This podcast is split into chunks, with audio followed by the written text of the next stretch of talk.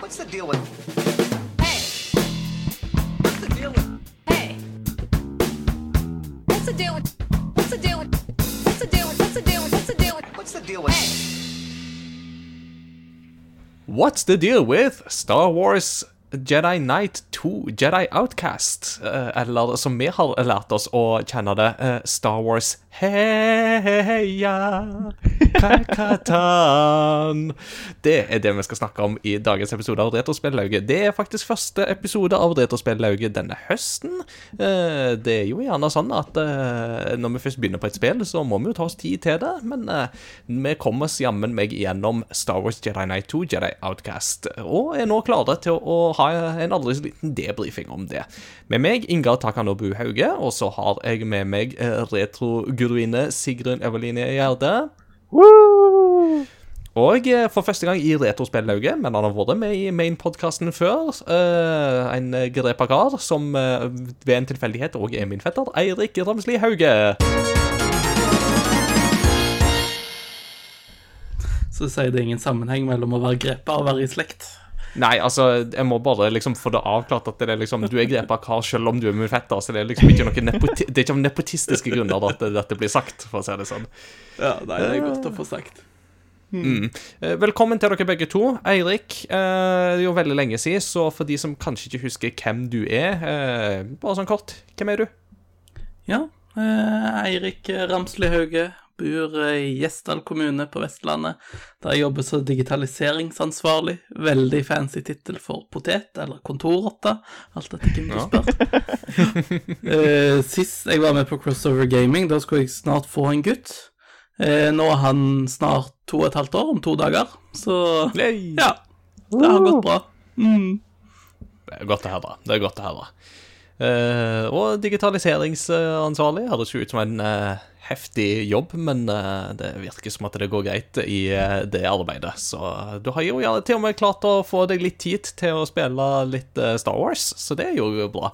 Eh, og det er jo veldig interessant, uh, som vi skal komme inn på i samtalen, som har hatt litt forskjellig tempo i denne gjennomspillinga, men det skal vi komme tilbake til. Uh, Sigrun, det er jo første gang i Retrospellauget etter sommeren. og det har jo blant annet vært en lærerstreik og litt sånt innimellom der, har det ikke det? Jo, det, det har vært det. Uh, så det har jo vært en komplisert uh, høst. Og jeg tenker jo sånn, så ble jo den eh, lærerstreiken avblåst uh, uten Mm. at det egentlig ble noen løsning. Så det er jo mulig at det her blir første året der jeg Første skoleåret der jeg streiker to ganger på et skoleår. Ja, first, time, first time for everything, I guess. eh, og ellers er det jo masteren om The Witcher som det pusles eh, med, om jeg ikke husker feil. Ja, det er fortsatt det jeg holder på med der. Um, um, jeg har jo fått vrien litt, uh, litt om på hvilke uh, forandringer som, uh, som kanskje en lettere høyrevridd YouTuber ville kalt woke. Hvilke woke-forandringer er det blitt i, eh, i Witcher fra bøkene? Det blir på en måte det- litt det jeg ser på. Du, du, du vet min forklare. Eller min, min tilnærming til det der er jo det at for 15 år siden så kalte vi det politisk korrekthet. For 10 år siden så kalte vi det social justice warriors. eh, For 5 år siden så eh, Jeg vet ikke hva vi kalte det. Men det gøye alltid da, det er når folk, folk bruker de uttrykkene, så tar jeg ofte vil jeg, Hvis jeg har tid til det, da. Setter en pause og så bare sånn Vent litt. Hva vil du legge i uttrykket politisk korrekt? Det å stoppe folk til å faktisk definere det, det er faktisk kjempegøy å se i blikket deres. etterpå sånn Få litt sånn Litt vill i blikket. Eh, Men da må man ha tid til den samtalen, og det er som regel best én til én. Så Ja. men, eh, nok, om, eh, nok om det. Vi skal ikke snakke om politisk korrekthet eller den slags. Men eh, jeg kom på, forresten jeg, I høst så spilte jeg jo blant annet eh, spillet Metal Helsinger, som jeg jo anmeldte for eh, Game Reactor. Dette spillet der du skal skyte deg gjennom diverse lag av underverdenen for å ja, holdt jeg på å si, ta litt hevn og gjøre det i takt med musikken. Og da syns jeg jo det var veldig morsomt at det første laget av helvete heter Voke med V. Eh, Så det var bare sånn Å, nå er til og med helvete blitt woke. hadde jeg lyst å liksom ha som en sånn bildetekst i anmeldelsen, men så glemte jeg å ha liksom det bildet av liksom den presentasjonen, så den, den vitsen glapp ut. Men da har jeg fått det ut, iallfall. Så.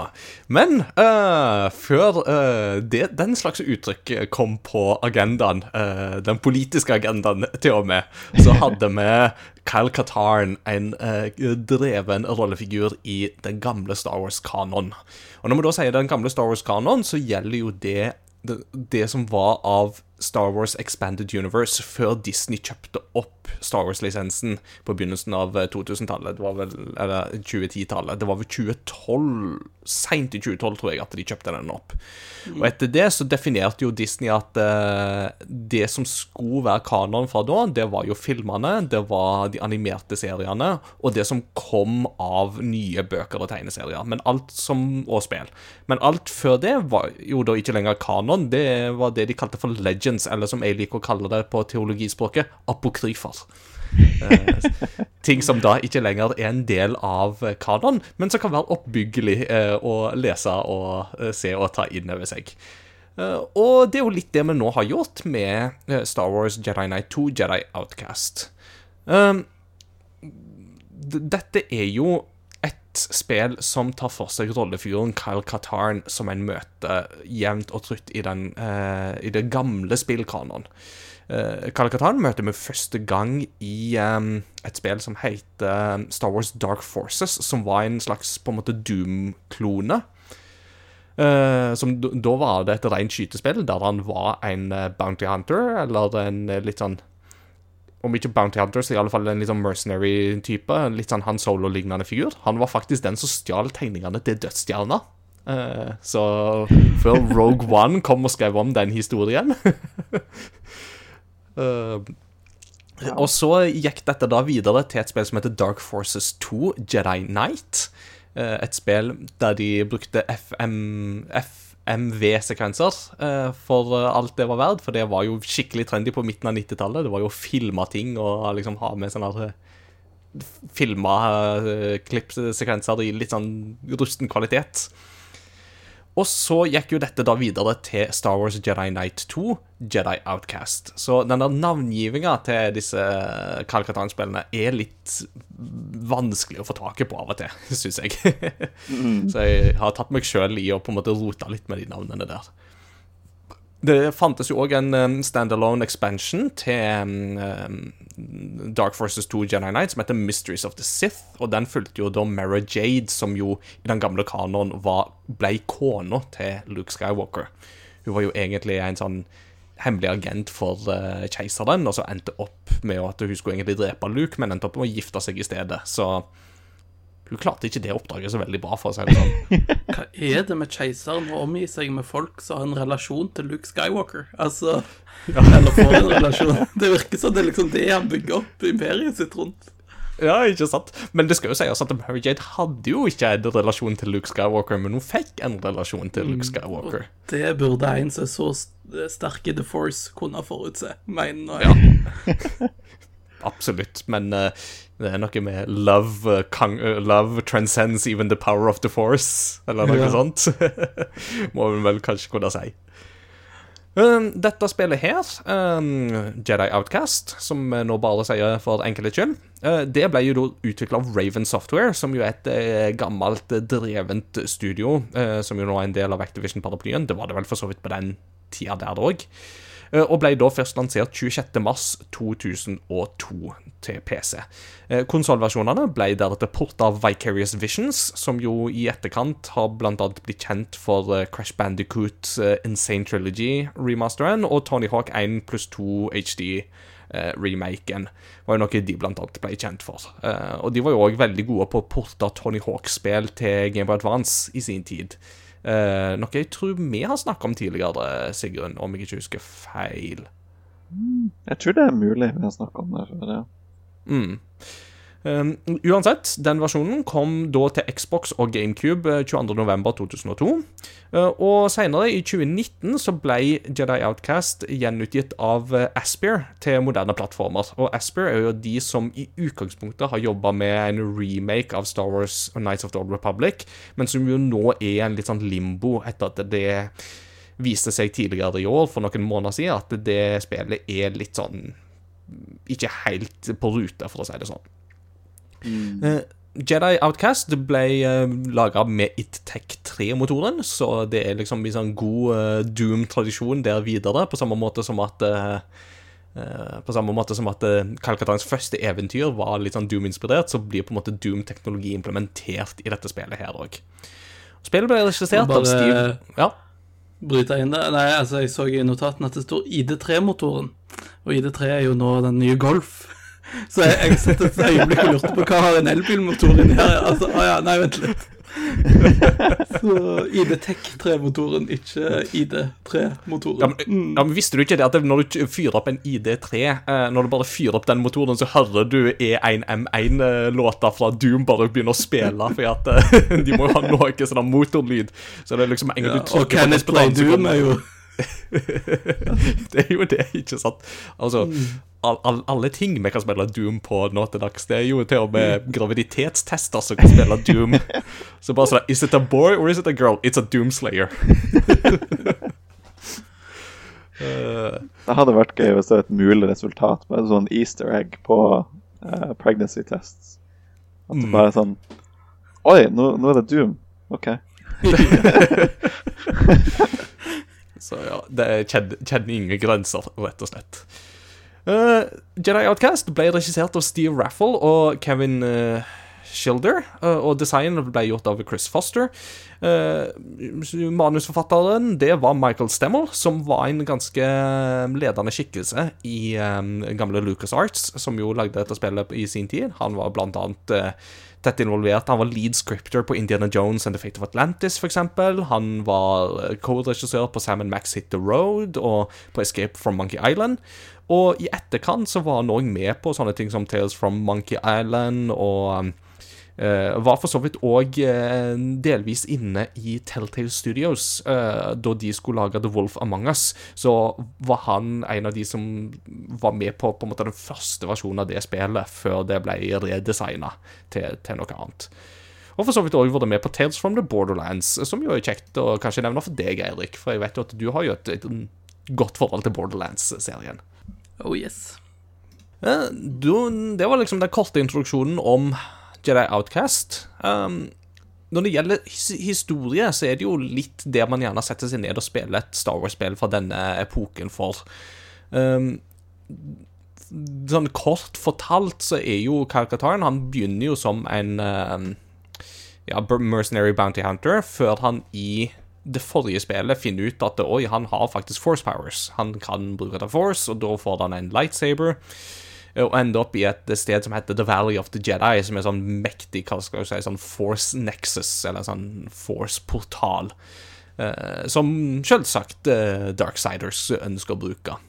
Uh, ting går som det går, og Kyle Katarn finner ut at han ønsker å blokkere seg fra kraften. Så når dette spillet begynner, så kan du ikke bruke force powers. Da kan du kun bruke pew-pew og skyte og sånt. Eh, Men eh, så er det jo sånn at Kyle og hans eh, kvinnelige kopilot Jan de må reise for å undersøke noen mystiske Imperial Remnants, som det jo heter i den gamle kanonen. Det var jo da rester av imperiet som nekta å gi seg, bare fordi at vi trenger ikke en keiser for å ha et imperium. Hallo, liksom. Eh, Så eh, de drar for å undersøke og finner jo ut at det er et plott på gang eh, i samarbeid mellom Imperial Remnants og noen Dark Jedis, der de prøver å skape hva skal vi si lightsaber-motstandsdyktig armor for da å få knekken på The New Jedi Order en gang for alle. I dette her så møter jo Kyle Katarn eh, på en Dark Jedi som heter Desan, som ser ut som en vandrende T-rex. Eh, Eller han er vel strengt tatt en Trendoshan, kanskje, hvis jeg tenker meg om. Eh, men han ser liksom litt sånn T-rex-aktig ut, nesten. Og så har jo han en eh, Og han igjen har jo en apprentice. Hva var det hun heter nå igjen? Tavian? Ja. Ja, takk. Glem alltid det. det må jeg, jeg må huske å notere det til neste gang. uansett, de tar, eh, de tar jo Jan til fange og får Kyle til å tro at hun blir drept. Så Kyle han eh, føler han har ingenting å tape, så han drar til The Valley of the Jedi for å få tilbake sine Force-krefter. Det han jo da selvsagt ikke skjønner, er jo det at dette var planen hele tida. For at eh, Dark Jedis, Design og kompani skulle vite hvor dette stedet var. Så, eh, etter mye om og men, altså Kyle han eh, reiser rundt omkring for å få has på Imperial Remnants. Han reiser til Nar Shaddaa, der han redder eh, Lando Calrissian. Han eh, blir med til Bespin for å hjelpe Lando å ta tilbake kontrollen over Bespin igjen. Eh, de er på Javin 4 for å besøke Luke og trene seg opp igjen i Jedi Powers. Og etter hvert så får jo Kalkataren eh, beskjeden om at eh, planen jo da til disse Dark Jedis og Imperiet, det er jo å utrydde Luke og alle disse andre Jediene på Yavin 4. Så da drar han tilbake, men ikke før han har oppdaga at Jan hun var jammen meg i live. Så da blir alle veldig glad og drar til Yavin 4 eh, og slår The Sun. End of story. Sånn i korte trekk. Did I miss something here? Det skal jo sies at uh, Desan Han tar jo over Valley of the Jedi. Uh, og så tar Luke og redder Valley of the Jedi. Uten at vi er involvert i det på noen som helst måte. Det bare skjer. Det bare skjer. ja. Så jeg, jeg bare tenkte over det. Så det ja, sånn Ja, det var lettvint. Det er jo um, litt sånn festlig sånn sett da, at um, selv om Mark Hamill er jo en dreven stemmeskuespiller, så er jo ikke han med i rollen som Luke, men Billy D. Williams er jo med i rollen som Lando. Så um, da får vi jo til å tro at Billy D. Williams kanskje var billigere å hyre inn på dette tidspunktet enn det Mark Hamill var. Det er det jeg òg tenker. Sannsynlig. Det er jo for så vidt det. Eh, f- det som jo er litt sånn interessant i um, den Calcatarn-sagaen, er jo det at um, eh, man Altså, Jan, hans kopilot, er jo med Kyle helt ifra det første spillet, Dark Forces. Men det er først i dette spillet her at de faktisk blir i lag. Eh, at de blir mer enn bare gode kollegaer. Eh, Så det tok de liksom tre spill med mye hinting før det, før det omsider skjedde. Eh, og det er jo en litt sånn artig vri, fordi at i forgjengeren så finnes det en good ending og en bad ending, der bad ending er at Jan blir tatt livet av, og det driver Kyle til den mørke sida, noe som da gjør at han blir mer eller mindre en ny keiser for Imperial Remnants, og liksom sitter på tronen på slutten og er skikkelig sånn dark and brooding. Mm. Men altså, nå er vi jo noen Zelda-fans her, så altså Når vi snakker om spill der det hintes til følelser uten at det kommer til uttrykk nødvendigvis Det, det er jo ikke akkurat nytt, det. Nei, Nei, jeg, jeg syns jo det er spesielt måten det kommer til uttrykk på i Jedi Outcast, fordi um, jeg syns jo det virker som med en gang de eh, treffer hverandre igjen, så er de bare sammen. Eh, Så det er jo ikke på en måte noen sånn oppbygging til det, egentlig. Ja, Dette er jo før Facebook, tenker jeg, så var det ikke kanskje så stort behov for å gjøre det offisielt og sånt. Ja. Det var litt sånn, Nå bare går vi for det. Det er liksom sånn der uh, Dark Forces Da var det liksom bare sånn at, Nei, bare kollegaer. Uh, Dark Forces 2, it's complicated. Uh, og så kommer det etter her. Eh, nå har vi jo liksom tatt for oss på en måte historien i uh, Jedi Outcast, litt sånn i korte trekk. Men hva er vår historie med spillet? Eh, det er alltid gøy å liksom spørre hva forholdet vi har til dette, om vi har spilt det før eller ikke, og hvis ja, når spilte vi det første gang, sånn cirka. Så Eirik, eh, har du et forhold til Dark Force Nei, Dark Force, sier jeg. Jedi Outcast fra før. Ha, har ikke noe forhold til Dark Forces, nei. Eh, nei, altså, Jedi Outcast det er det eneste Star Wars-spillet jeg har spilt.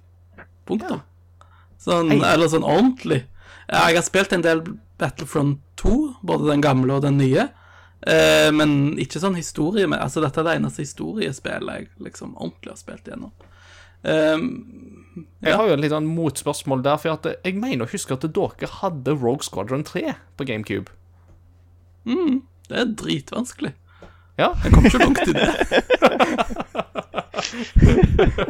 ja, jeg tror jeg har det her rett i hullet fortsatt. Mm. Ja. Nei, Ja, men men- eh, nei, det har jeg Eller har jeg solgt det? Solgte jeg det til deg? Nei. Jeg har det, men jeg tror ikke jeg kjøpte det av deg. Nei. Nei, jeg husker du alltid var veldig gira på det, men jeg syntes det var for vanskelig. Så jeg, eh, men det sa jeg aldri til deg, da. Mm. Nei, eh, men altså, Jedi Outcast det kjøpte vi på PC. Eh, jeg er som så mange andre så plutselig innom denne podkasten, misjonærbarn. Eh, så når vi kom til Norge, eh, da jeg var ti, så hadde vi ikke så mye PC-ting. Og det må ha vært etter etter jeg var ti, så jeg tror det er sånn i 2004-2005 at jeg sikkert var sånn 11-12-13 en plass. Så kjøpte vi Jedi Outcast på Space World, på Oasen Storsenter på Nordheim. Eh, og jeg husker fortsatt altså det hadde sånn Space Price, 199 kroner. Sånn svær, fin eh, klistrelapp på. Åh, husker Space den, Price. eh, Yeah. Så det, jeg husker jeg syntes det var en god deal. Ehm, så spilte jeg det, men jeg kom aldri lenger enn første banen. Eh, jeg, altså, jeg, ble jo skutt, og jeg skjønte ikke hvor jeg skulle gå. Eh, jeg skjønte ikke hvordan jeg skulle komme meg inn i den basen du starter på. Eh, så det ble liksom fort stopp. Og da irriterende Etter vi spilte gjennom det nå, så så jeg sånn speedruns. Og når du ser noen bruke sånn fem minutter på det du har brukt så mange timer på i oppveksten, så er det sånn Ja ja, sånn kan det jo gjøres. Det er sånn makes you question your existence. Ja. Men så gikk det noen rykter i skolegården om at det fantes et spill som heter Jedi Academy, som var oppfølgeren, og der kunne du ha to lysverd. Og, og når du i Jedi Outcast starter bare med pew-pew, og du får vite at du kan ha to lysverd i det Åh, fytti så jeg hadde lyst på det. Um, men ja, nei, det gikk noen år. Så fant jeg det fram igjen i 14-15 en gang. Eh, spilte gjennom det på ny. Da spilte jeg hele greia. Eh, jeg husker ikke så mye av det, egentlig. Jeg bare husker at jeg hadde det veldig gøy. Ja. Og så skal det jo sies at når jeg var liten Det jeg kom videre med, det var juksekoder. Så jeg var flink på Jeg hadde litt sånn lightsaber-kamper og sånt. Men da Det er en eller annen progresjon i spillet som ikke helt fanges opp hvis du bare teleporterer deg med juksekoder til en ny bane. Så jeg ble jo slakta ned uten Ja, med en gang, hvis jeg prøvde meg med juks. Skjønner, skjønner. Sigrun, eh, hva er din erfaring med Jedi Outcast?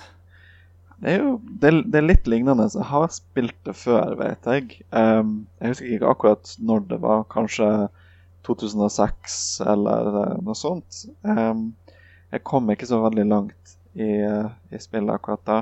Um, og jeg, jeg, jeg syns det var litt sånn slitsomt med kontrollerne og litt sånn diffust hvor jeg skulle, hvor jeg skulle gå og hva jeg skulle gjøre. Så jeg tror, jeg, jeg tror aldri jeg klarte å ta første banen. Jeg bare ga opp. Det, det, jeg merker at det er noe med første banen her som er litt sånn utfordrende, og det skal vi jo komme litt tilbake til når vi skal liksom snakke litt mer så generelt om spillet. Men dette med banedesign det er noe vi definitivt kommer til å komme innom her. Um, for min egen del så hadde jeg en runde sånn for rundt ti år siden, mener jeg å huske at det var sånn rundt om det var sånn 2011, 2012, 2013, noe sånt rundt omkring der, der jeg gikk gjennom hele Kyle Katarn-sagaen. Eh, Så da, liksom, da begynte jeg med Dark Forces, og så spilte jeg Jeg spilte Dark Forces 2 så langt som jeg kom. Eh, Jeg fikk aldri spilt Mysteries of the Sith, for der var det en eller annen merkelig bug med kompatibilitetsvansker med nyere plattformer. Uh, spilte Jedi Outcast og spilte Jedi Academy etter det. Så jeg har på en måte vært igjennom alt dette her på et tidspunkt, men det begynner jo å bli ganske lenge siden, så for meg så var jo dette her da et gjensyn. Eh, og begge disse gangene her så var det jo da på PC. Um, det skal jo sies i forbindelse med denne sessionen her, da vi ble enige om at vi skulle spille det Jedi Outcast i retrospillauget, så innså jeg at å, det er faktisk det Star Wars-spillet jeg ikke eier på GameCube. Eh, Jeg har alle de andre Star Wars-spillene som kom ut til GameCube, de har jeg fått inn i samlinga, men akkurat det spillet, det mangler jeg. Så da gikk jeg til innkjøp. Fant det på Finn, ganske grei pris. eh, Fyrte det opp, satt med det kanskje en halvtime. Og så måtte jeg bare innse at det, dette her, det er bare helt håpløst. For den GameCube-versjonen, det, det vitner lite om den der Vicarious Visions-magien som jeg har lært meg å kjenne i ettertid. Det var bildefrekvens under 30 frames, konstant, med screen tearing hvert tredje sekund. Eh, kontrollsystemet var liksom litt sånn så som så, men altså Det å lagre tok jo kjempelang tid. Og det verste av alt var jo det at alt av fargenyanser og sånt er jo mye mørkere. Så det at det er vanskelig å ta seg fram i dette spillet, ble jo ikke akkurat lettere på GameCube. Og så var liksom bare den grafiske kvaliteten var bare subpar eh, over hele fjøla, rett og slett. Det var sånn Jeg vet at spillet er gammelt, men så det virkelig så kornete og dårlig ut? Så da måtte jeg bare hoppe tilbake til PC. Så sånn var det. Og det er jo PC vi har landa Nei, det er det jo faktisk ikke. For du, Eirik, du har vel spilt det på Xbox denne gangen, har du ikke? Nei, det var jo Å nei, jeg har samme historie som deg. Jeg, eller jeg holdt ut i to timer. Jeg tok første bane på Xbox. Eh, men så fikk jeg ikke spilt mer før jeg plutselig var sjuk ei helg. Da jeg fant ut nå bare spiller jeg gjennom hele. Eh, så da gikk jeg eh, på PC, for jeg tenkte jeg har ikke tid til å gjøre dette her på Xbox, altså. For hvis Stormtroopere er dårlige til å sikte, så har de ikke sett meg på Xbox, altså. Fytti. Ja, det er, et, eh, det er absolutt et litt sånn krekk i kontrollsystemet når du skal rundt omkring og skyte. Så det er lite som heter aim assist og sånne ting her, for å si det sånn. Det, Nei, men det er det verste. Jeg måtte inn og slå av aimet sist fordi han var så dårlig. Altså, jeg sleit med å treffe fordi spillet prøvde, meg å, prøvde å hjelpe meg. uh, det er jo et, øh, et, en interessant um, Hva skal jeg si cocktail av, av dette her. Det, jeg har jo sett, jeg har jo sett um, Jeg så nylig uh, Digital Foundry hadde en sånn retro-runde der de gikk gjennom Red Faction. Det første Red Faction fra 2001, og viste hvordan det funka på PlayStation 2. Og det var liksom så aim-assist at det var jo aimbot, basically. Og der er det en fiende som går liksom sikterektangelet automatisk på en eller annen, og så er det bare pew-pew. Savna det litt her, kjente jeg, i uh... Ja. nå, nå er vi jo for så vidt litt inne på det allerede, men altså alle, alle vi har jo da vært innom dette spillet før på et eller annet tidspunkt, så, så for alle så ble jo dette i en eller annen grad et gjensyn. Og hvordan har det vært å gå tilbake til spillet, Sigrun? Jo, jeg syns det var mer gøy enn første gang. Det, det kan jeg si. Ehm, jeg syns fortsatt det er litt sånn kronglete, men jeg klarte ganske greit å komme gjennom det. det. Det var ikke sånn som da jeg spilte det da jeg var, da jeg var barn, og der det bare var sånn Her skjønner jeg ikke hvordan jeg skal klare å komme gjennom spillet. Eh, Eirik, for din del, da? ja. Nei, jeg, jeg storkoste meg. Uh, altså, den første banen Jeg har brukt så mye tid på den. At det, det er sånn skikkelig sånn nostalgi, koselig gjensynsfølelse å komme tilbake til den. Litt sånn å Eh, komme tilbake til sånn komme abusive relationship. ja, nei. Det er bare, bare kos å se det igjen, eh, og kos å gå videre. Men eh, nei, så jeg storkoste meg. Altså, er det I begynnelsen så er det ikke så mye sånn av den gode Star Wars-musikken nødvendigvis. Men den kommer litt snikende inn ute i spillet. Så det å på en måte ha et spill der du har strevd mye, og så plutselig får du alt det du har strevd etter før, og så kommer Star Wars-musikken i tillegg, altså, det er en god følelse. Ja, det er, jo, det er jo interessant at du nevner det med musikken, for at det er en sånn ting som jeg tenkte på her, var liksom det at eh, Oi, plasseringa av Star Wars-musikk i dette spillet føles ekstremt random. At det er sånn Det, det er Star Wars-musikk, men det er alt det er ifra de originale, den originale trilogien. Og det føles veldig sånn ragtag-miksaktig ut. At det er sånn det, det er liksom bare sånn Å, det sporet er kult. Det, det er bare å slenge meg inn. Ja, og så slenger vi det sporet, for det òg er kult. Og så har man ikke noe sånn helhetlig tanke for det sånn egentlig, føles det som. Og det satte jeg og reagerte litt på. Ikke minst fordi at uh, du har liksom andre Star Wars-spill fra denne epoken som har mer um, enten en bedre planlagt bruk av originalmusikken eller en, um, org eller en egen komponert musikk for spillet. Uh, som jeg kjente at det, det savna jeg litt denne gangen, faktisk. For min del. Men uh, det er jo, samtidig så er det jo andre òg som har spilt idrett og retrospillauget, som har kommentert på det med at eh, nei, nei, de bare koser seg så lenge Star Wars-musikken kicker inn, så er det bare kos. Så det er different approaches. Det var aldri sånn uh, dissonans, holdt jeg på å si. Altså, det er det som slår det ut hos meg. Det er én ting om det harmonerer med det jeg spiller, men her var det litt random, men det var aldri sånn at det ble feil, på en måte. Så da var det kos, selv om det var jo litt sånn Hvorfor kommer denne nå? Når det liksom kommer sånn ba, ba, ba, ba, ba, da, så er det sånn Kommer Vader nå? Kommer Vader? Kommer Vader? Nei, det er ingen her. Det er ikke en eneste stormtrooper engang. Why?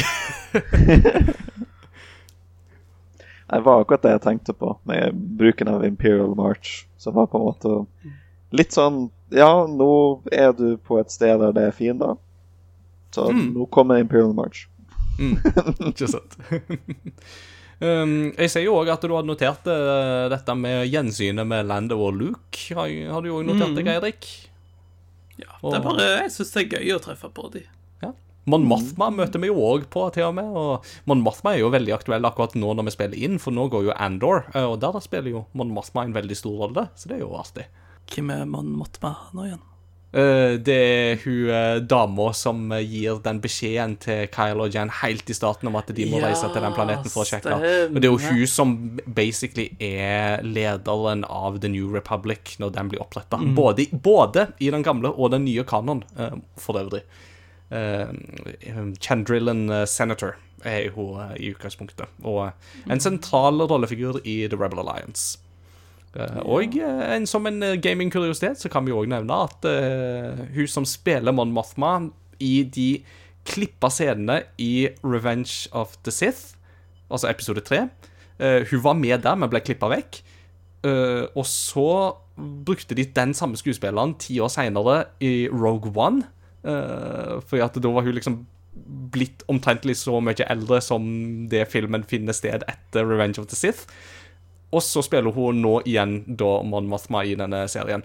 Og eh, innenfor spillesammenheng så er det hun som har stemmen til Moira i Overwatch. Ah, Så det er litt gøy.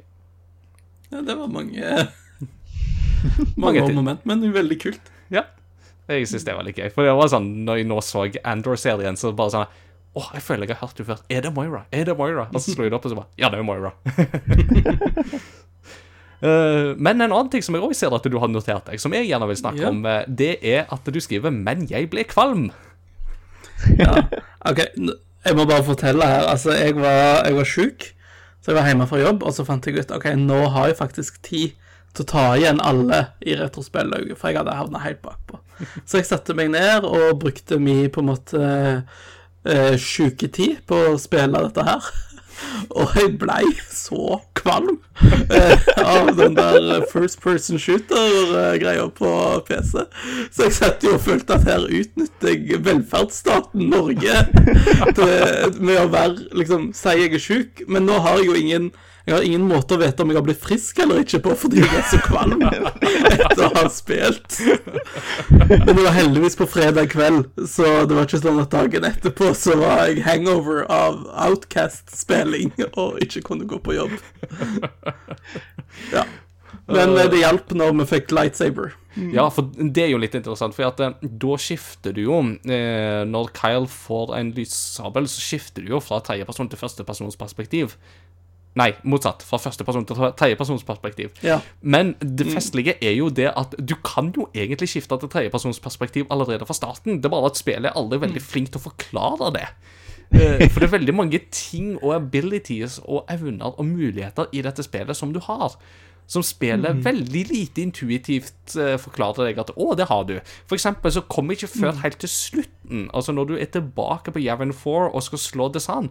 Det var da jeg innså at 'å ja, jeg har tre forskjellige lightsaber stances som jeg kan veksle mellom'. Det hadde vært litt nyttig å vite for uh, ti timer siden. Eller som Espen skrev i Discord-chatten, husk at du kan heale med F5, og alle bare Å, det er nyttig! Ikke sant? Det, men, men det der med kvalme, det var jo et sånt problem som jeg, var et vedvarende problem for meg. Og dette var jo Vi hadde jo fire eller fem samlinger eh, der vi spilte dette. Så kudos til deg for at du tok det igjen på så kort tid. Det var egentlig det jeg var kanskje mest imponert over. Eh, men jeg sleit jo med den der eh, motion sicknessen hele tida. Altså allerede Altså Allerede fra GameCube-versjonen så var det et problem, men selv med PC-versjonen så var det al- Altså, jeg, det er et eller annet med hvordan spillet beveger seg, og kameraføring og Ja, og, og generelt, og kanskje litt i forhold til oppdateringer av Eller altså Hva skal du si ehm, Grafiske innstillinger og sånt. At det rett og slett blir litt for gammel grafikk til tider til at det blir komfortabelt. Og det, er jo, og det er veldig rart, for det er jo ikke sånn at jeg ikke kan spille gamle spill. Jeg kan lett spille gamle spill, men jeg husker at særlig før i tida så likte jeg ikke så godt FPS-spill fordi at jeg ble så kvalm av det. Og dette spillet er jo et sånt spill som understreker det. Eh, nå ble det jo tipsa om at eh, Field of View er jo en sånn ting som gjerne ofte er lurt å stille inn hvis du har det problemet. Og problemet er jo det at du kan stille det inn i PC-versjonen, men da må du liksom inn i på en måte kodinga eh, for å faktisk få det til. Så det er ikke en egen innstilling for det i innstillinger, og det er jo veldig synd. Nei, det hadde vært for lett. Ja, ja, ja, det, det, det hadde vært liksom Padawan-nivå. Nei, du må liksom på Jedi Master-nivå for å få det til. Yeah. Men uh, Sigrun, ble du kvalm, eller hvordan var det for deg? Nei, jeg ble ikke noe kvalm. Nei. Så jeg vet ikke. Kanskje jeg bare aldri har hatt den uh, det, det er sånn som koriander-såpegenet. Jeg har ikke? Har ikke det genet, så Koriandergenet, såpegenet, FPS-genet. Dette må inn på medisinstudiet med en gang. Så Det er, OK, en liten side note på gen. Eh, jeg har et gen som gjør at hvis jeg lager en sånn slags gjespebevegelse, så kan jeg høre rumling i øret mitt. Og dette her uh, kan, finnes en egen subreddit på som heter Ears Rumble. Som har det store slagordet 'Ears Rumble Unite'. For det, det er noe alle vi som kan det, tror at alle gjør det. Men så viser det seg at vi er i et særdeles lite mindretall. Um, og det er sånn, det bruker du i lag med Eller der, på den subredditen, så legges det ofte ut videoer av raketter som tar av. Eh, Og dermed kan dette brukes inn mot Star Wars. For der sier de 'You know what to do'. Og så er det et klipp av en rakett som tar av, uten lyd. Og så må du lage rumlelyden sjøl i øret ditt. Og det er veldig, veldig gøy. Ja, du får skikkelig sånn lyd av at nå skal det ta av.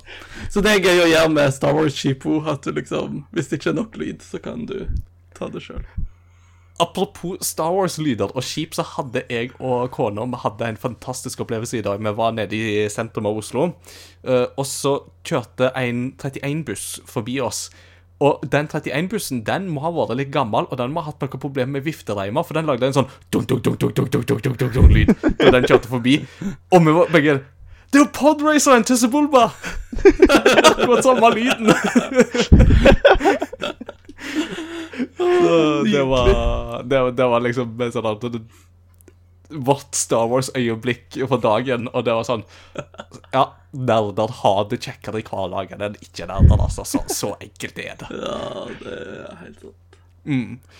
Nå er vi kommet til den fasen i episoden der vi bare skal på en måte snakke litt sånn fritt om Jedi Outcast, ting som vi ikke allerede har på en måte vært inne på med dette med mm, altså, um, Nå har vi jo snakka om liksom førsteinntrykk og liksom gjensynsinntrykk og litt sånne ting. Jeg kan jo for øvrig nevne litt på det med at uh, jeg hadde et minne om at jeg syntes historien var bedre Uh, første gang jeg spilte det. Når jeg spilte det nå, så følte jeg egentlig at historien var litt sånn blodfattig. På en måte, Eller litt sånn veldig enkel. Det var liksom eh, I do not feel the force. Now I feel the force. Uh, I am bad guy. I must uh, destroy Jedi. Now Jedis are dead. I know I am dead. At det ble litt sånn Det, ble litt sånn Ja, jeg, jeg Ja. savner kanskje litt mer, altså, men kan hende bare sånne spill som uh, Jedi Fallen Order og, og Nights of the Old Republic bare har gjort meg litt bortskjemt på det, rett og slett. Jo, Men jeg har tenkt Eller nei, Sigrun går først. Jo jeg, jeg, jeg tror det òg. Jeg tenker det på en måte sånn Det, det er ikke så dyp story. Den går ikke inn i dybden, på en måte. Og heller ikke karakterene. De fleste karakterene får du ikke noe sånn type innsikt i. Nei. Jeg har tenkt litt på det òg, og jeg tror det er litt sånn silent protagonist-opplegg. Altså at du, du har noen holdepunkt, og så har du Star Wars-følelsen, som allerede setter deg i et positivt eh, liksom, tankesett når det gjelder historie. Og så tror jeg de bare har tenkt at liksom Eller om det er bevisst eller ikke, men du fyller liksom på litt sjøl. At liksom Det er en historie, og det er en driv i det, men du får så lite input at du må på en måte Ja, fill the blanks litt sjøl. Litt underbevisst. Og jeg tror det er det som har skjedd for min del når jeg har tenkt tilbake på det, at ja, jeg hadde jo den gode Star Wars-følelsen, og jeg husker jo disse holdepunktene som jo var for så vidt spennende nok, så derfor tenker jeg at historien var bra. Eh, men nå når jeg kommer tilbake til det, så er det sånn Å ja, det var bare holdepunktene og ingenting imellom. eh, ja, et eller annet der. Det kan være noe der, da, altså. Eh, men det er jo kanskje litt sånn at det, det store salgspunktet for dette spillet her er jo litt dette her med at du får force powers. Altså, du begynner ikke med force powers, men vi har vel egentlig alle hatt den opplevelsen at med en gang du får en lightsaber og force powers, da åpner spillet seg i en mye større grad. Eh, og det er jo den der leken med force powers som er litt sånn driven her. Og det er jo klart at her har det jo kommet spill i etterkant som jo har gjort det vesentlig bedre rent teknisk sett, naturligvis. Altså, du har jo Star Wars The Force Unleashed var jo spill som virkelig liksom tok videre den arven der, men òg Star Wars Jedi Fallen Order, som jo, når du først kommer inn i det kampsystemet, så er det veldig tilfredsstillende. Eh, så, men, men det er veldig gøy å se liksom og arven som blir etablert allerede med dette spillet her, og som jo eh, Jedi Academy allerede spilte videre på bare året seinere, eh, og videreutvikla Altså, der hadde du jo Force Powers fra liksom en gang. For der skaper du jo mer din egen rollefigur igjen. Mm. Så det er nok klart at det er nok det som er på en måte den store drivkraften her. Det er jo, Du får deg Force Powers, og så har du ingen moralsk skala her, så du kan både liksom bare bruke vanlig liksom forsvare deg mot angrep, men du kan òg bruke Force Choke på stakkars Stormtroopers før du zapper dem med Force Lightning. Så det er ganske Ja, Kyle Katarn gjør litt som han vil, altså. Han gjør veldig som han vil. Og så tror jeg òg det er litt den der Altså, alle drømmer om å få brev fra Galtvort, på en måte, følelsen. At liksom Kyle Kartan Han kan ikke få krefter igjen, force powers, med mindre han drar til The Valley of the Jedi og liksom blir uh, fullt av kraften, holdt det på å si. Uh, og jeg tror det er jo litt den følelsen at han starter som en av oss, og så blir han en Jedi i løpet av spillet. Det tror jeg er en skikkelig god, god ting i dette spillet. You're a Jedi, Kyle. A what? A Jedi, and a thumping good one, I'll wager. Ja, det er som Humlesnurr sier, use the force. Ja. ja. Use the force and you shall live long and prosper. Vel omtrent sånn det ikke det? And may the odds be ever in your favor. Yes. May the cookies ever be in your flavor? Var det det du sa? Oh, nam, nam. Uh, Sigrun, uh, hva, hva tenker du? Eh, du, du? Kommenterte jo da vi spilte at uh, du hadde litt sansen for Tavian, altså den her lærlingen til Desan. Og vi var vel kanskje litt inne på det, at vi syns vel at Tavian var kulere enn Desan. For Desan blir liksom Han er bare den store bad guyen på slutten, og så er du ferdig med han. Ja, altså han er på en måte bare en ond T-rex uh, som har som personlighet at han skal gjøre noe slemt. Uh, Mm. Og... Det er liksom misforstått. Ja, ikke sant? Mens, mens Savian er litt mer sånn Du får jo ikke så mye innsikt i henne heller, selvfølgelig. Men det er hele den greia at du, du slåss mot Tavian, og eh, så viser Kyle hun nåde. Hun er liksom bare sånn veldig overraska over det. Hun forventer ikke det fra noen med sånne krefter som Kyle har, på en måte. Eh, og så er det jo også det som gjør inntrykk med TV-en, er at det er vel den bosskampen som kanskje er mest en sånn ordentlig Jedi lightsaber-bosskamp. Der du føler at det, det Det var ganske utfordrende å måtte slåss mot uh, Tavian. For hun, hun er veldig rask og veldig akrobatisk, hopper rundt hele tida. Mens uh, jeg husker at når jeg skulle ta Desan, så var det på en måte OK, da bruker du noen av de force powersene som du får senere i spillet, sånn som force speed level 3 og så skrur du på eh, strong stance med, med sverdet ditt. Og da brukte jeg vel tre slag på å slå det sammen. Han rørte seg ikke engang. Wow. Jeg måtte ha tre forsøk jeg, før jeg klarte å ta Desan. Så Men jeg syns jo kampsystemet i dette spillet kan til tider være veldig vanskelig, særlig når du møter på Dark Jedis eller bosser og sånt, så var det litt sånn men det skal jo sies, jeg lærte meg jo ikke disse her stansene før altfor seint, så det kan jo ha noe med det òg å gjøre. Eh, men for meg så var det bare å spamme force speed-knappen, og så bare springe rundt i som en sånn Speedy Gonzales og bare Endelig, endelig, endelig! Er! Jo, jeg, jeg føler det er litt sånn det blir. Um, jeg syns kampsystemet, sk- skytegameplayet, har sine egne problemer, men det er på en måte mest lyssverdgreiene som jeg syns man merker av det her var litt frustrerende. Fordi måten det fungerer på, er jo at du gjør et forskjellig slag avhengig av eh, hvilken retning du beveger deg i når du trykker sverdknappen. da. Så det, det kan jo ende opp med at du står foran noen og bare trykker venstre musetast, venstre musetast. Nei, vi, vi treffer ikke den fienden. Vi bare slår bak oss og rundt og til sida. Det, det blir liksom litt sånn dumt med det. Og så brukte jeg jo også noen gang force powers for å bare dytte folk over ende. Og så gå bort til dem og liksom slå dem med lysverdet. Men da er det jo ekstra frustrerende når du har liksom noen som bare ligger der, og så står det og veiver. Jeg klarer ikke å treffe dem. Altså, av, av, av og til så følte jeg heller at det var liksom en sånn der uh, rusa tenåring på et rave-party framfor en Jedi med liksom større kontroll på The Force, altså. At det bare liksom hadde en sånn glowstick, og så bare Wii! Ja, det, det, føles, eh, det, det føles litt sånn ut. Så i alle fall i, i kampen med Tavian så, så måtte, man, eh, måtte man gjøre litt mer. Um, en, en av triksene du kunne gjøre med Tavian, var at du måtte prøve å hoppe og lande oppå henne. Og da kunne du få inn et par slag. Um, men ellers senere i spillet så ble det jo igjen bare det OK, da skrur du på de der uh, force-greiene, og så kan du egentlig bare stå og veive til fienden går ned. Eller så kan du ikke innse at du kan sette på four speed, og så kan du prøve igjen og igjen og igjen. Det, det kan jo være at skjer. Jeg brukte mye force, force, force ja. eh, Force speed. Nei, eh, force push og pull. Men jeg kom ikke på at fart skulle ha noe å si i en sverdkamp. Men jeg tenker, altså i Morrowind, altså The Elder Scrolls Morrowind, som kom ut cirka på samme tida Ja, det var omtrent i 2002, det òg, tror jeg. Der er det jo sånn at uh, Altså, det er jo bygd på eh, sånn uh, typisk Dungeons and Dragons-mekanikk, at du liksom Det er en viss sannsynlighet for om du treffer eller ikke i det du slår. Uh, og så, hvis du tar ekstra i strength, eller hva det er, så er det mer sannsynlig at du treffer.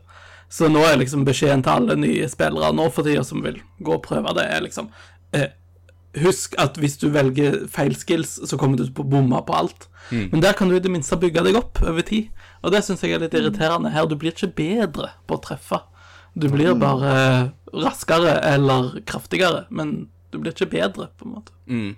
Og det er jo den store forskjellen på et actionfokusert spill som eh, Jedi Outcast sammenligna med Nights of the Republic, som jo er veldig bygd på disse her eh, DND-mekanikkene. Eh, nesten til det frustrerende, vil jo noen si. Men samtidig så er jo det litt av sjarmen med det òg.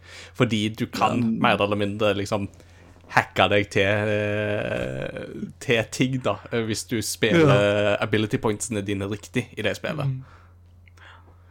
Det er forresten morsomt. Det er et spill jeg har hatt så lyst til å gå tilbake til etter jeg begynte å spille Dungeons and Dragons, for det er jo et sånt spill jeg har prøvd, ikke skjønt en skit av.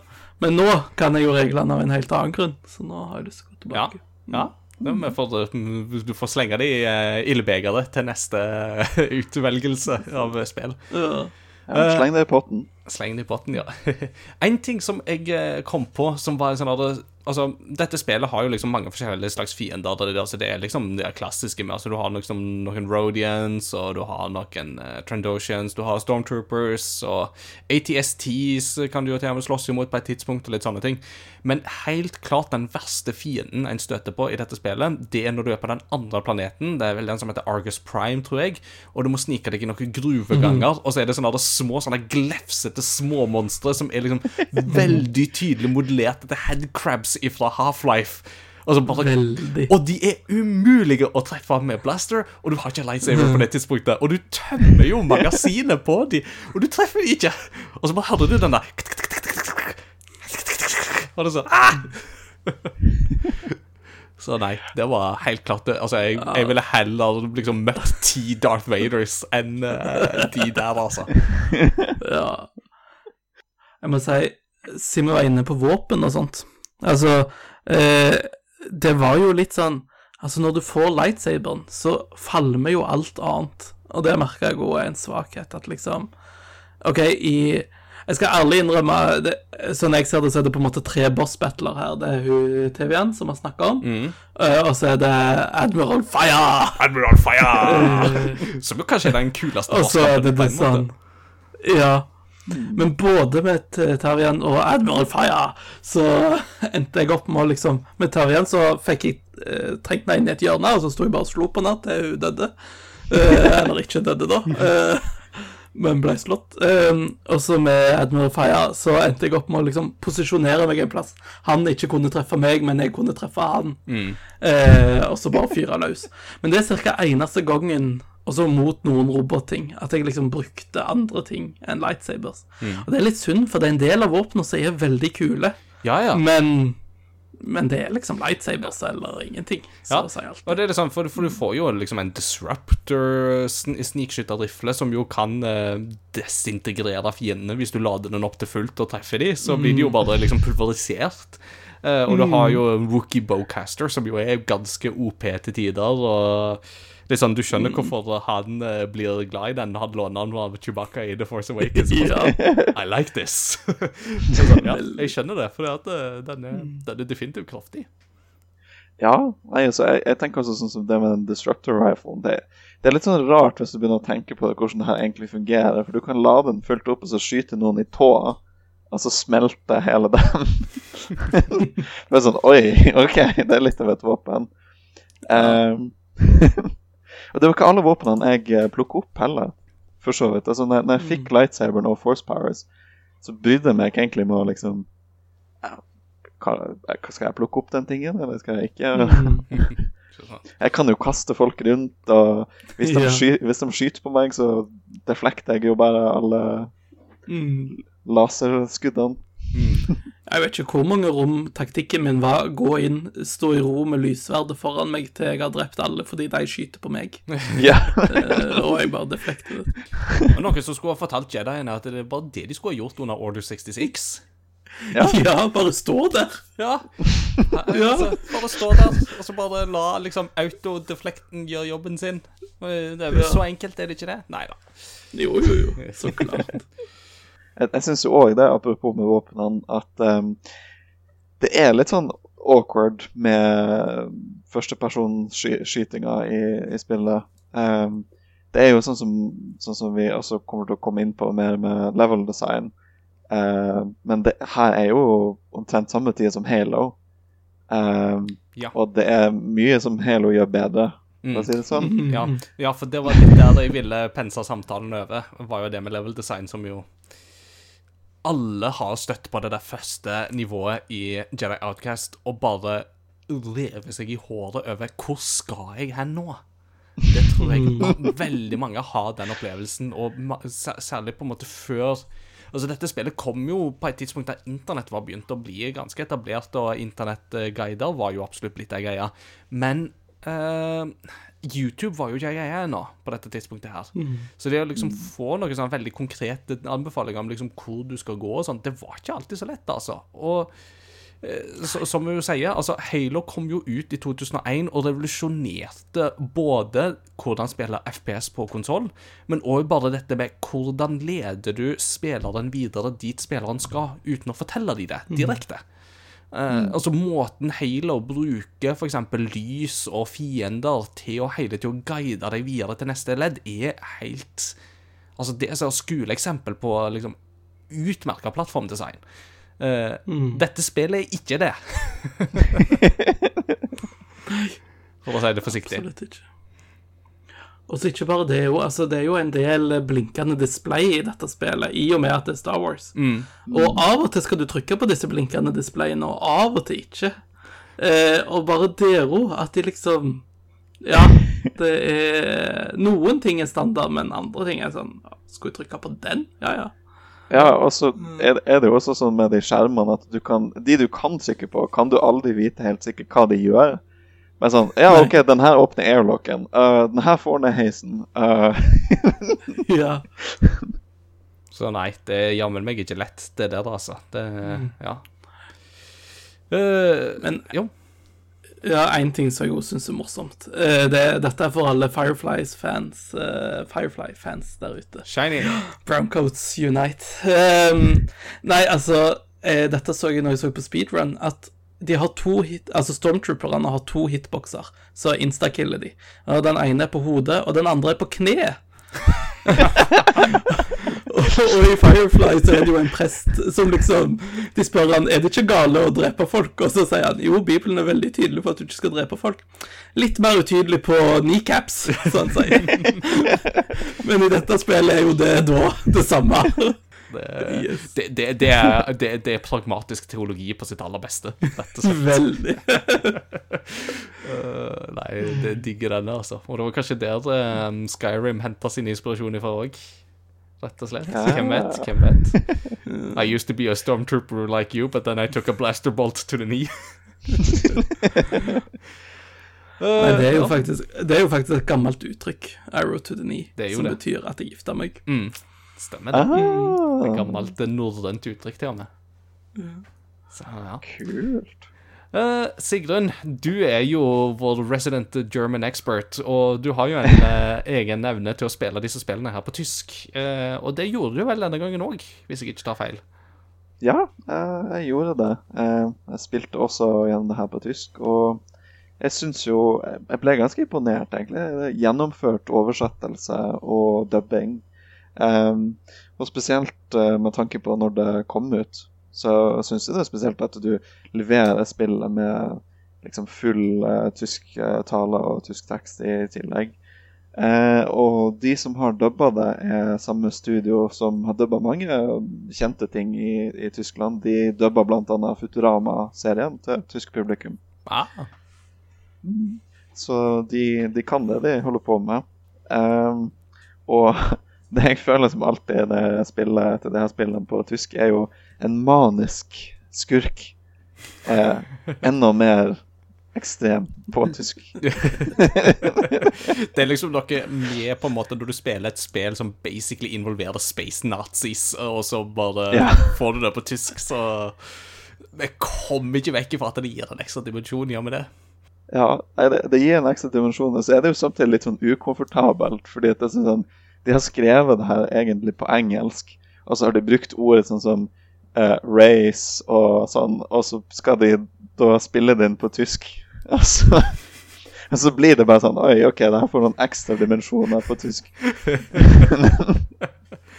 Men ja, jeg, jeg delte jo underveis uh, forskjellige sånne uh, ordkuriositeter på, på tysk. Em, og det, det var jo sånne småting der jeg tenkte liksom sånn ah, det, det er litt rart at de valgte å kalle det det. Eh, sånn som eh, sånn interrogation droid, eller sånn forhørsdroide, Mm. som egentlig driver og torturerer folk da i Star Wars-universet. Det kaller man befagungsdroid, eh, som jo da egentlig brukes mer som uh, survey, spørreundersøkelsesdroide. Så den skal vel spørre litt, ikke sant? Hi there, would you like to take this survey? if not, I will poke you with this needle. Og så, er, det selvfølgelig, er det jo selvfølgelig gøy også å se liksom flere av de typiske Star Wars-frasene som man hører om igjen og om igjen, bare, bare på tysk. Så May the force be with you på tysk er Möge die Macht mit dir sein. Mm. Und mit dir. Und mit dir auch, blir det vel kanskje, da. And also with you. Ja. Men ja, jeg tenker at mm, vi begynner å nærme oss en, på en måte en slutt på, på en måte denne oppsummeringsfasen her. Men er det noe vi ikke har snakka om nå, som dere gjerne skulle ha slengt inn før vi går til liksom, den, liksom det viktigste spørsmålet? Ja, jeg, jeg tenkte på Det er verdt å huske på at det er liksom Det er kule ting som du kan gjøre. Og jeg skjønner på en måte litt sånn ut ifra de tingene eh, hvorfor det her spillet må ha vært kult i den tida det kom ut. Fordi at altså, når det kom ut før Force Unleashed og før Battlefront 2 og sånn, så så det her er jo et spill der du har Force Powers og lyssverd, og du kan løpe rundt og leke deg med det. Eh, men det er også sånne kule, litt sånn spesielle ting som du kan gjøre. Sånn som f.eks. å eh, åpne airlocken, og så sender du masse stormtroopers ut, ut i verdensrommet. Eh, og eh, noen andre sånn kreative greier, sånn som at du skal hoppe ned et, et hull, men det er egentlig for langt ned hvis du bare hopper rett ned. Da kommer du til å eh, dø. Så du må dra til et annet rom og skru på ei vifte som er under, sånn at du kan liksom flyte Mm. sakte ned Mm. i det hullet. Så hvis du på en måte tenker på det som eh, barndomsfantasien om at jeg er en Jedi, og det her er alle de kule tingene jeg gjør, Mm. eh, så blir det en del sånne kule set pieces. Eh, sånn som også når du eh, skal hoppe på en sånn søppel, flygende søppelbåt eller noe sånt. Mm. Eh, eh, som, som jo godt kunne vært en scene i en Star Wars-film, på en måte. Mm. Mm. Jeg syns det beste eksempelet på det du har der, det er, det er en plass eh, med de airlockene og alt det som du kan åpne og sende folk ut. Eh, så er det jo en datamaskin du kan gå inn på, og så eh, får du kontroll over en kanon som kan skyte Tie Fighters. Ja. Og det har ingenting med spillet å gjøre whatsoever. Du er ikke nødt til det, det har ingenting å gjøre. Du får bare lov å skyte Tie Fighters, fordi Kim har vel ikke lyst til å skyte Tie Fighters en liten stund før de går videre og redder verden. Ikke sant? Ja, for det er jo en, det er jo en side. Det er, det er jo ikke noe, det er ikke noe space combat her. Du får ikke liksom styre en Mm. X-wing eller noe sånt. Men uh, de legger til bare den muligheten uten at det egentlig har noe å si. Mm. Mm. Hadde det vært i dag, så hadde det vel vært knytta en achievement til det at hvis du liksom tar den og så skyter én, så hadde du fått opp en sånn der pling, great kid, now don't get cocky. Så hadde det vært en paid DLC. Ja. Kanskje det òg. Det kommer vel an på om det hadde vært EA eller noen andre som hadde gitt det ut. Det er Ja. vel det som er spørsmålet der. Men apropos kjøretøy som man eh, kan kjøre. Senere i spillet så kan du jo styre en ATST. Stemmer. Eh, og det, det er jo interessant eh, med kontrollsystemet, eh, fordi liksom Den eh, har bare eh, skytepekeren i, i midten. Og når du beveger den rundt, så er ofte selve ATS-tiden i veien for der du skal prøve å skyte. Så det er veldig vanskelig å skyte noe med den. Så det du må gjøre, er liksom sånn, du må se når den forandrer farge til rød, så betyr det at ah, der er en fiende. Da kan jeg skyte. Ehm, men det, så vidt jeg husker, så, så eh, prøvde jo ikke Du fant ikke ut at du kunne styre den, uh, Ingar. Nei, stemmer det. det jeg, så det gikk meg hus forbi. Eh, litt synd, for at eh, et annet Star Wars-spill fra om- omtrentlig samme epoke som jeg har et godt minne av å styre en ATST, det er jo Star Wars Rogue Squadron. For der fins det en sånn bonusbrett så du kan åpne enten med en cheat code eller eh, lignende, som ikke har noe med resten av spillet å gjøre, men der du er imperiet, og så styrer du en ATST, og så skal du bare gå rundt og skyte masse rebels, og så skal du liksom gå liksom til tre forskjellige sånne hytter, og så blaster de i stykker, mens du hører da. Så jo da, jeg har gode minner med det å kjøre ATST, altså, så det skulle jeg gjerne ha gjort igjen. Men uh, jeg mistenker nesten at kontrollsystemet var bedre i Nintendo 64-spillet enn det det var her, og det er jo litt sånn Det er jo litt bekymringsverdig, tenker jo jeg, da. Jeg tenker det er bare law-messig. Altså, Kyle Katan har sikkert ikke kjørt så mange ATSTs før. Altså, hvor lett er det å hoppe inn i en maskin du trenger egentlig to stykk til å kjøre? Ja. Men faktisk, når du sier det uh, Dette er jo sånn som jeg kunne, burde gjort litt research på tidligere, men jeg lurer på om Kyle Katarn i Dark Forces egentlig var en stormtrooper, eller at han var i imperiearmeen, men deserterte på et tidspunkt, og så ble han mer en frilanser som tok på seg oppdrag for Rebel Alliance og havna stadig mer på på måte den sida av, av kampen. Men han har jo Out litt den. Nei, ikke sant. Men han har jo litt den personligheten i dette spillet her òg. At han bryr seg egentlig litt lite om på en måte light side, good side, same thing really, nesten. At det er litt sånn Så, så, så lenge han på en måte får lov å leve sitt liv og holdt på å si, kjempe for det han ønsker å kjempe for, så er det liksom ikke så farlig med det. Får jeg jo litt sånn følelse av. Han er Ja, en typisk chaotic neutral i, DND-verden, mm. uh, iallfall. Rett og slett. og jeg, jeg tenker jo også det er litt sånn eksempel av grå jedi, Mm. eh, Ja. der det går an å ligge imellom, på en måte. Mm. Og det var jo faktisk en ting i Star Wars-kanon på dette tidspunktet, var jo the grey side of the force. Var jo en sånn ting som man utforska veldig mye i Expanded Universe. Uh, helt til man kom til et eh, tidspunkt eh, liksom litt sånn seinere, om det var liksom Det var vel etter Yuzan Wong-sagaen, tror jeg, men liksom før du fikk på en måte den der store, liksom nye Sith-imperiet-tida, sånn 100 år etter Luke og gjengen. Så plutselig tror jeg man slengte inn på det tidspunktet at nei, hele Greyside det er bare sånn plott fra Darksiders for å få Jedis over på Darkside, så det fins ikke. Så, og så var man litt sånn Nei, men det var jo litt teit. Kanskje vi skulle hatt Greyside likevel? Og så Man ble litt man ble ikke helt enige for å si det sånn, i gamle Expanded Universe om Greyside var ei greie eller ikke. Så det du sier, at det er litt ei gråsone, Ja. om det er eller ikke? So whether the grey side of the force exists or not is true from a certain point of view.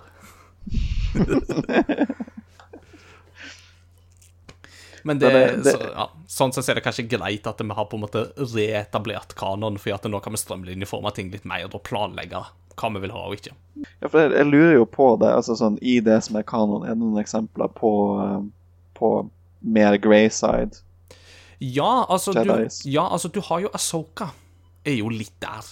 Men Asoka er ikke helt grey side heller, fordi det Mild spoilers for de som ikke har sett Clone Wars. Eh, men altså, Asoka gir seg jo aldri helt med å være en light side holdt jeg på, å si, på, på sett og vis så er hun fortsatt en Jedi, men det er jo bare det at eh, hun har jo mista truen på ordenen. Altså Hun har mista trua på The Jedi Order, så hun er egentlig på en måte mer et slags Altså For å ta den parallellen, da. altså Hun har, fått, hun har beholdt trua, men hun har mista trua på institusjonen. altså Mm. og det syns jo Altså, hun er egentlig litt i en sånn dekonstruksjonsfase, på sett og vis. Men hun har ikke helt mista trua på det å skulle bruke The Force til det gode. Så hun vil fortsatt være en lightside user, men hun vil jo likevel falle utafor Jedi Sith-paradigmet. Som jo for Jedis og Sith er liksom bare Nei, det fins bare de to. Det er liksom Vel, only Sith deals in absolutes. Yes. Hva dere si til det, Jedis, hæ?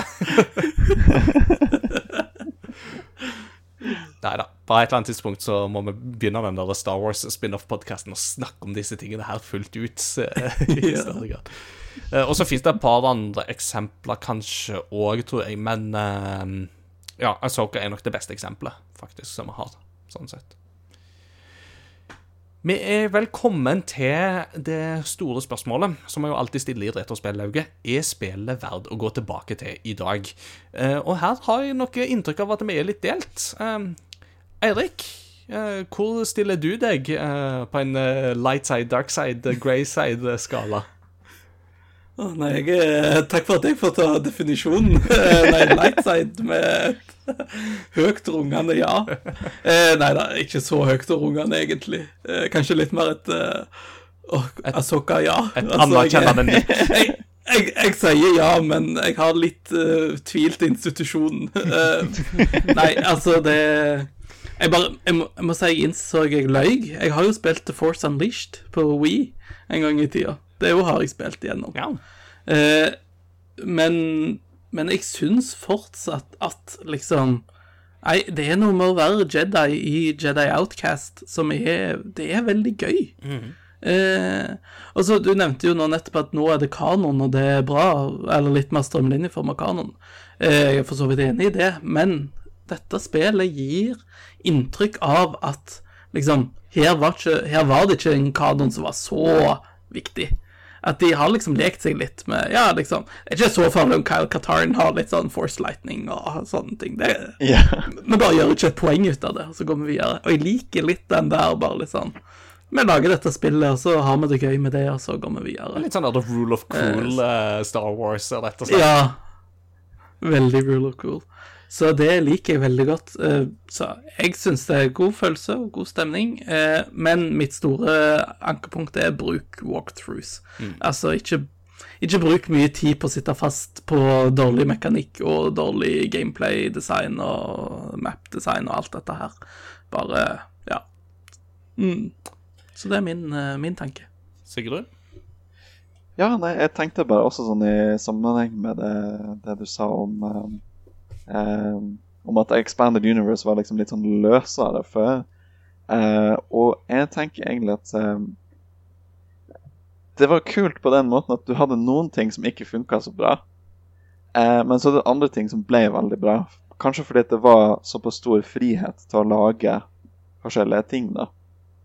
Uh, så jeg tror det er litt derfor man også har eh, Kotor, f.eks. Mm. Eh, som vi jo burde spille gjennom en, en annen gang. Ja. Hvis alle vi tre stemmer på det, så er det en stor sannsynlighet for at det er det det blir. Just Det er godt mulig. La oss kuppe det. Men eh, ja, sånn eh, På Jedi Outcat så blir jeg litt mer delt. Um, jeg heller nok heller personlig mer dark side. Med at eh, jeg, jeg tror ikke jeg hadde spilt det igjen, egentlig. Um, men jeg tror det er interessant om du er nysgjerrig på Extended Universe av, um, av Star Wars, som ikke lenger er kanon. Uh, det er interessante ting i uh, Kyle Katarn-spillene. Um, og sånn som jeg har nevnt tidligere, så må det ha vært kult for sin tid, uh, alle de her Mm. setpisene. Og det at du kunne være så akrobatisk og bruke force powers og uh, lysverdet ditt. Og det må ha vært ganske kult å kunne oppleve det i det hele tatt. Mm. Um, men jeg, jeg syns det blir frustrerende med plattforminga og kontrollen på det. Level-designet, litt sånn Mm. diffust. Hvor skal du gå? Uh, hvordan du skal løse forskjellige ting. For det var også tidligere i spillet så uh, Du skal komme deg inn i et rom, og for å komme deg inn i det rommet og kunne overleve mens du hopper på en sånn bil som kjører gjennom den, så må du Mm. ut, og så må du se at det kommer et rør ut Mm. av den bygningen, og så må du Mm. lande på røret og hoppe ned fra det, og så gå inn i røret. Mm. Og hele den greia var bare sånn OK, hvordan skal jeg skjønne at jeg skulle gjøre det? Ja, der måtte jeg ha guide, altså. Mm. Mm. Ja, Så jeg må jo, jeg må jo si at jeg, jeg brukte guide mesteparten av uh, spillet. Jeg, jeg liksom, jeg lot meg sjøl stå fast i sånn to minutter, og så sånn OK, da sjekker vi guide igjen. ja. Nei, uh, jeg er jo litt delt sjøl òg. Altså, det er et eller annet med den der appellen i Jedi Outcast. Altså, det, den, den ha, det har fortsatt en sånn appell ved seg som jeg, som jeg skjønner, og som jeg ikke helt klarte å definere. Og det, det jeg er litt sånn rart. Det er sånn Mysteries of the Force, dette her, altså, som er Ja. Men uh, Og selv om Kyle Katarn er kanskje på en måte litt mindre utforma her enn det jeg skulle ønske, og kanskje han er det egentlig mindre enn det jeg husker han som, så er det likevel noe med Kalkataren som figur som jeg syns er veldig spennende. For at han er på en måte litt sånn den originale Rogue One-casten. Altså litt sånn, holdt jeg på å si den vanlige menigmannen som bare på en måte blir litt kasta inn i The Rebellion, enten han vil eller ikke. Og så oppdager han at han har Force Powers, og da er han en Jedi, enten han vil eller ikke, nesten. Der har han jo for så vidt et valg, men altså uh, han har såpass moralsk ryggrad likevel at det blir nå sånn som det blir. Uh, men det er noe med Altså, det er særlig level-designet her som frustrerer meg til tider, som er til å rive seg i håret av. Og dette med Ja, altså, vi jeg prøvde å liksom se om jeg kunne liksom modifisere spillet noe sånn at jeg ikke ble så dårlig av det. Eh, og det klarte ikke jeg, men hvis du er dyktigere enn meg og klarer å få installert noen mods eller et eller annet sånt som shiner spillet litt opp og gjør det litt lettere å håndtere og litt sånt. Ja, kanskje. Eh, og nei, det er ikke kanon, dette spillet her heller, men det vitner liksom om, eh, holdt på å si, en eh, An elegant weapon from a more civilized aged, uh, age. Altså, det, det, det er en del av liksom Star Wars-historien, dette her òg, på liksom godt og vondt. Og ja, et litt sånn spennende innblikk i på en måte hva retning ønsket man å ta Star Wars-spillene i på det tidspunktet. Så eh, jeg vil ikke anbefale det til alle og enhver, ikke engang om du er Star Wars-fan, men for visse folk, ja, kanskje. Hvordan er det hvis du er interessert i Kyle Katarn som person, og liksom blir kjent med han? Er dette en god start, eller er det en dårlig start? Ja, det er jo et veldig godt spørsmål. Ehm, da ville jeg nesten begynt med litt sånn law-videoer, kanskje, på YouTube. Med mindre du skal begynne med Dark Forces, da. Um, og altså, Dark Forces er et ganske bra skytespill. Uh, til å være et FPS for sin tid, så var det ganske revolusjonerende, på sett og vis. Altså, det brukte mer um, Altså, Der spill som Wolfenstein og Doom egentlig er ganske flate, så brukte jo Dark Forces høyde eh, i en mye større grad. Altså høyde og dybde, at du gikk liksom opp og ned i etasjer i langt større grad enn det som var vanlig på den tida. Så det var jo sånne ting som var litt sånn revolusjonerende da, men det er klart at uh, det, det, det er et pre-Half-Life-skytespill, og absolutt tungt å gå tilbake til det òg. Men det er, kanskje, det er jo kanskje stedet å starte hvis du er nysgjerrig på Calcataren, for det er jo der du får bli kjent med han der det ikke er noen Force Powers i det hele tatt. Og det er jo veldig kult, syns jeg, da. Så du sier det er litt som Doom og Wolfenstein, bare at du har the higher ground, Ja, egentlig. faktisk. Det har jeg aldri tenkt på sånn. Men det er helt riktig. Og ja. Så det brukte vel faktisk en, modif en modifisert Doom-grafikkmotor, om jeg husker riktig. At det var LucasArts som tok Doom-grafikkmotoren, og så modifiserte han litt til sitt eget bruk, så ja. Men det får, mer om det får vi ta den gangen det blir eh, et spørsmål. Nei, eh, hvis du som lytter har andre meninger om eh, Jedi Outcast, så er du hjertelig velkommen til å dele de med oss. Du finner eh, lenker til våre sosiale medier på crossovergaming.no, så det er bare å klikke deg inn der på enten discorden vår eller Facebooken eller Instagrammen og slenge inn en kommentar om hva du syns om Jedi Knight, eh, Jedi, eller Jedi Outcast eller Calcataren, eller gamle Star Wars-kanon for den saks skyld. Og ja, let us know, rett og slett. Når det gjelder postludium i dag, så um, syns jeg egentlig det er litt vanskelig å ta noe fra Jedi Outcast, fordi at uh, Jedi Outcast har liksom ikke så mye original musikk, Uh, og det å skulle ta Jeg vil jo helst ha spillmusikk her framfor filmmusikk, sånn egentlig, så jeg lurte på om jeg skulle liksom hacke dagens postludium litt grann, og gå liksom til gamle Super Star Wars-spillene og se om jeg fant et eller annet sånn kult eh, sånn 16-bit uh, Cantina-band eller et eller annet sånt. Yeah. for å gi det liksom enda mer retro-vibbene, da, rett og slett. Kanskje. Eirik, tusen takk for at du tok deg med til, eh, tok deg med til å være tid. Eh, tok deg tid til å være med. Bare hyggelig. Veldig gøy. ja. Og Sigrun, alltid kjekt å ha deg med, as usual. Føler liksom ikke det blir retrospellauge hvis ikke du er med. Yay! De, de retro-guruin is here. Wunderbar. Ja. Wunderbar. Hvis du syns det høres gøy ut å være med på Retrospellauget, så må du inn på vår Discord, eh, og den finner du lenger til på crossovergaming.no. Takk for at du hørte på. Vi snakkes ved neste korsvei. Ha det bra! Ha det bra.